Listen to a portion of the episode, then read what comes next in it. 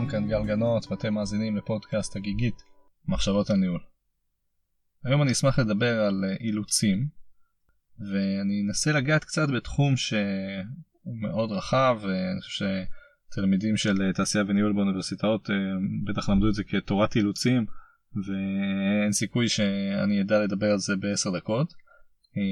מה שאני כן אנסה להגיד זה שבשנים שאני ניהלתי, קרו לי הרבה מקרים שבהם הרגשתי שאיכשהו הצלחתי לאתר איזשהו אילוץ כלשהו איזשהו צוואר בקבוק שהיה לי וברגע שאתה מתמקד על הצוואר בקבוק הזה ואתה יודע איך לנצל אותו אז אתה יכול לשפר משמעותית את העשייה וזה מה שאני אנסה לדבר עליו כאן היום. הדבר ראשון אני ארצה להזכיר את uh, uh, ספרו של אליהו גולדרט המטרה שזה בעיניי ספר קנוני חוץ מזה שהוא ממש ספר נחמד הוא כתוב כרומן uh, הוא מלמד הרבה מאוד דברים uh, על תורת האילוצים uh, בעצם uh, אפשר להגיד שאפילו ספר שנכתב על ידי מייסדה של אה, תורת האילוצים. אמ, אבל מה שאני רוצה להגיד עליו זה שהוא מתאר בצורה מאוד אמיתית וכנה את המצוקות של מנהלים אמ, ואיך מישהו שמנסה להתמודד עם האילוצים בעצם משפר משמעותית את הפרויקטים שלו או ספציפית שם מתואר איזשהו מפעל ייצור שכזה. והדבר היחיד שאני רוצה לצטט רגע מהספר זה איזשהו סיפור יפה איזשהו משל שהבחור שם אה, מתאר ובעצם המשל הזה הוא איזשהו אה, מדריך בטיול של הצופים. והמדריך אחראי להביא את כל הילדים שמטיילים ממקום אחד למקום אחר ורוצה לעשות את זה כמה שיותר מהר כמה שיותר יעיל אה, ובצורה אחראית לצורך העניין הוא לא רוצה שאף אחד יאבד שאף אחד ייפצע. ומסופר שם לדעתי על איזה 7-8 ילדים שסוחבים על תיקים עם משקלים גבוהים על הגב אה, ומתחילים לצעוד וכמובן כל אחד יש לו את הכושר שלו ואת היכולת שלו ומאוד מהר המדריך הזה שם לב שיש רווחים גדולים בין הילדים הילד בהתחלה הוא ילד שהולך מאוד מהר והוא רץ קדימה ויש כמה ילדים אחרים שככה מתעייפים יותר אה, יש איזה מישהו אחד באמצע הוא כזה מתאר אותו כבחור גדול אה, שמן קצת שלוקח לו הרבה מאוד זמן ללכת אז מאחוריו יש איזשהו פקק של אנשים שנתקעים בו והם הולכים לצורך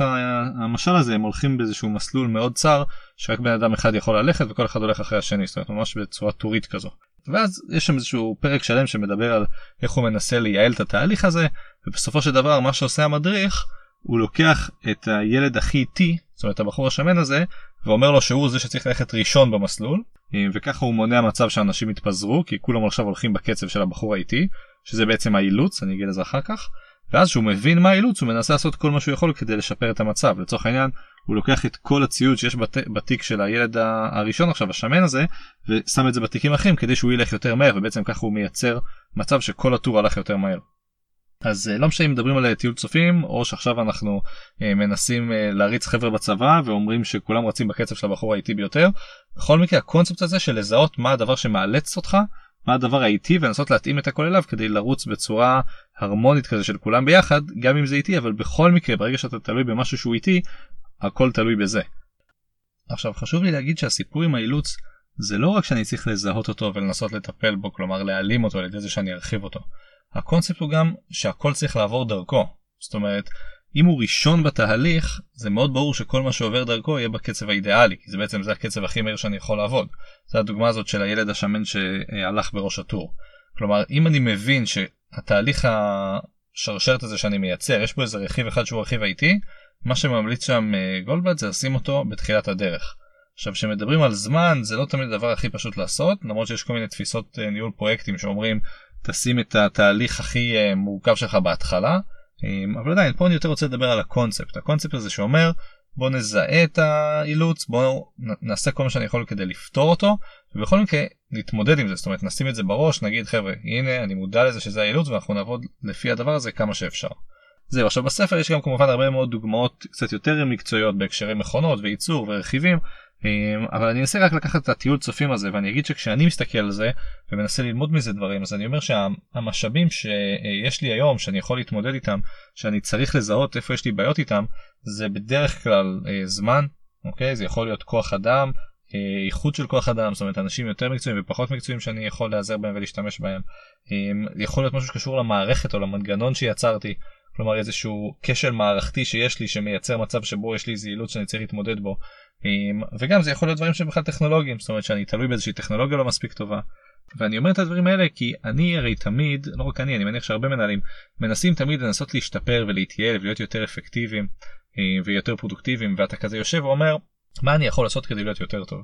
ואני חושב שאחד הדברים שאני לקחתי מהסיפור הזה של uh, המטרה של uh, דוקטור אליהו גולדברט או בכלל באופן כללי כשמדברים על אילוצים תמיד אני מנסה לחפש מה הדבר שכרגע מאלץ אותי ללכת אה, בקצב שלו.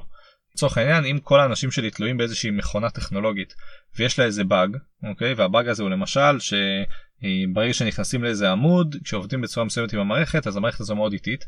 כדאי שאני אטפל בדבר הזה זה מאלץ את כולם אני צריך להתעסק בזה. יכול להיות גם אילוצים אחרים יכול להיות אילוץ של יש לי שלושה אנשים שדוברי שפה מסוימת ואני יודע שעכשיו יש להם הרבה מאוד דברים שמחכים להם וכי הם היחידים שיודעים להתמודד עם הדבר הזה. שפה מסוימת יכול להיות uh, שפה שמדברים עברית אנגלית רוסית או יכול להיות שפת קוד זה לא משנה כאילו יש איזושהי יכולת מסוימת לבן אדם ואני תלוי בו ואני מבין שאולי אם אני אביא עוד אחד כזה בעצם פתחתי את האילוץ. זה גם יכול להיות זמן יכול להיות שאני אה, מסתכל על מה שאני צריך לעשות אפילו בחיים האישיים שלי ואני רואה שיש איזה משהו מסוים שאני עושה שלוקח לי הרבה מאוד זמן. ואני צריך לחשוב אולי אם אני לא אעשה את זה אני יכול לעשות המון דברים במקום זה. אה, זאת אומרת כל פעם אני מנסה לחשוב על האילוץ והתהליך שאני הייתי ממליץ להתעסק בו זה שלב ראשון לזהות את האילוץ הזה. להבין תמיד מה האילוץ עכשיו בעיניי יש המון אילוצים כמובן אבל תמיד יש את האילוץ הגדול ביותר והייתי מנסה להתמקד בו כשאני מנהל את מפעל ההפקה שלי או שאני מנהל את הפרויקט שלי שאני מנהל את האנשים תחתיי מה מפריע להם בצורה הכי משמעותית להתקדם אל העבר היעד. וברגע שזיהיתי את האילוץ אני מכנה אותו צוואר הבקבוק אני חושב שזה הדבר שמאט אותי שכל הדברים צריכים לעבור דרכו ועכשיו אני צריך לעשות כל מה שאני יכול כדי לטפל בדבר הספציפי הזה. ברגע שקצת פתחתי אותו יכול להיות שנוצר צוואר בקבוק חדש זה נשמע מאוד הגיוני כי אם פתחתי את הדבר הכי כואב אז הדבר הבא אחריו יהיה עכשיו הכי גדול אבל עדיין הסיפור הזה של האיתור של הצוואר בקבוק ואחר כך הניצול שלו לעשות משהו אחר בעיניי זה היתרון הגדול של התפיסה הזאת שנקראת תורת האילוצים ברור ברור שיש עוד הרבה מאוד מה להגיד על זה וזה מסתבך הרבה יותר אבל בעיקר מה שרציתי להגיד לאנשים שלא מכירים את העולם הזה, ספר מרתק שאני ממליץ לכולם לקרוא, ובכלל תורה שלמה שאני חושב שיכולה מאוד לעזור למנהלים בכל הדרגות, גם חבר'ה שמתעסקים ממש במפעלי ייצור קלאסיים, וגם אנשים שמנהלים פרויקטים או מנהלים אנשים ומנסים כל הזמן, בעיניי זה חלק אינטגרלי מתפקיד הניהול, להתייעל ולשפר את התהליכים שאנחנו עושים כדי להיות יותר טובים. זה היה כמה מילים על אה, אילוצים אני מקווה שזה היה מעניין ושזה עזר בנקודה הספציפית הזאת אני בעיקר ממליץ על איזשהו ספר שאני חושב שהוא ממש אה, אה, שווה את זה וכרגיל אם יש הערות או שאלות או מחשבות אז אני תמיד אשמח לשמוע והדרך הנוחה להגיע אליי היא דרך חגיגית.co.il. תודה לכולם והאזנה נעימה.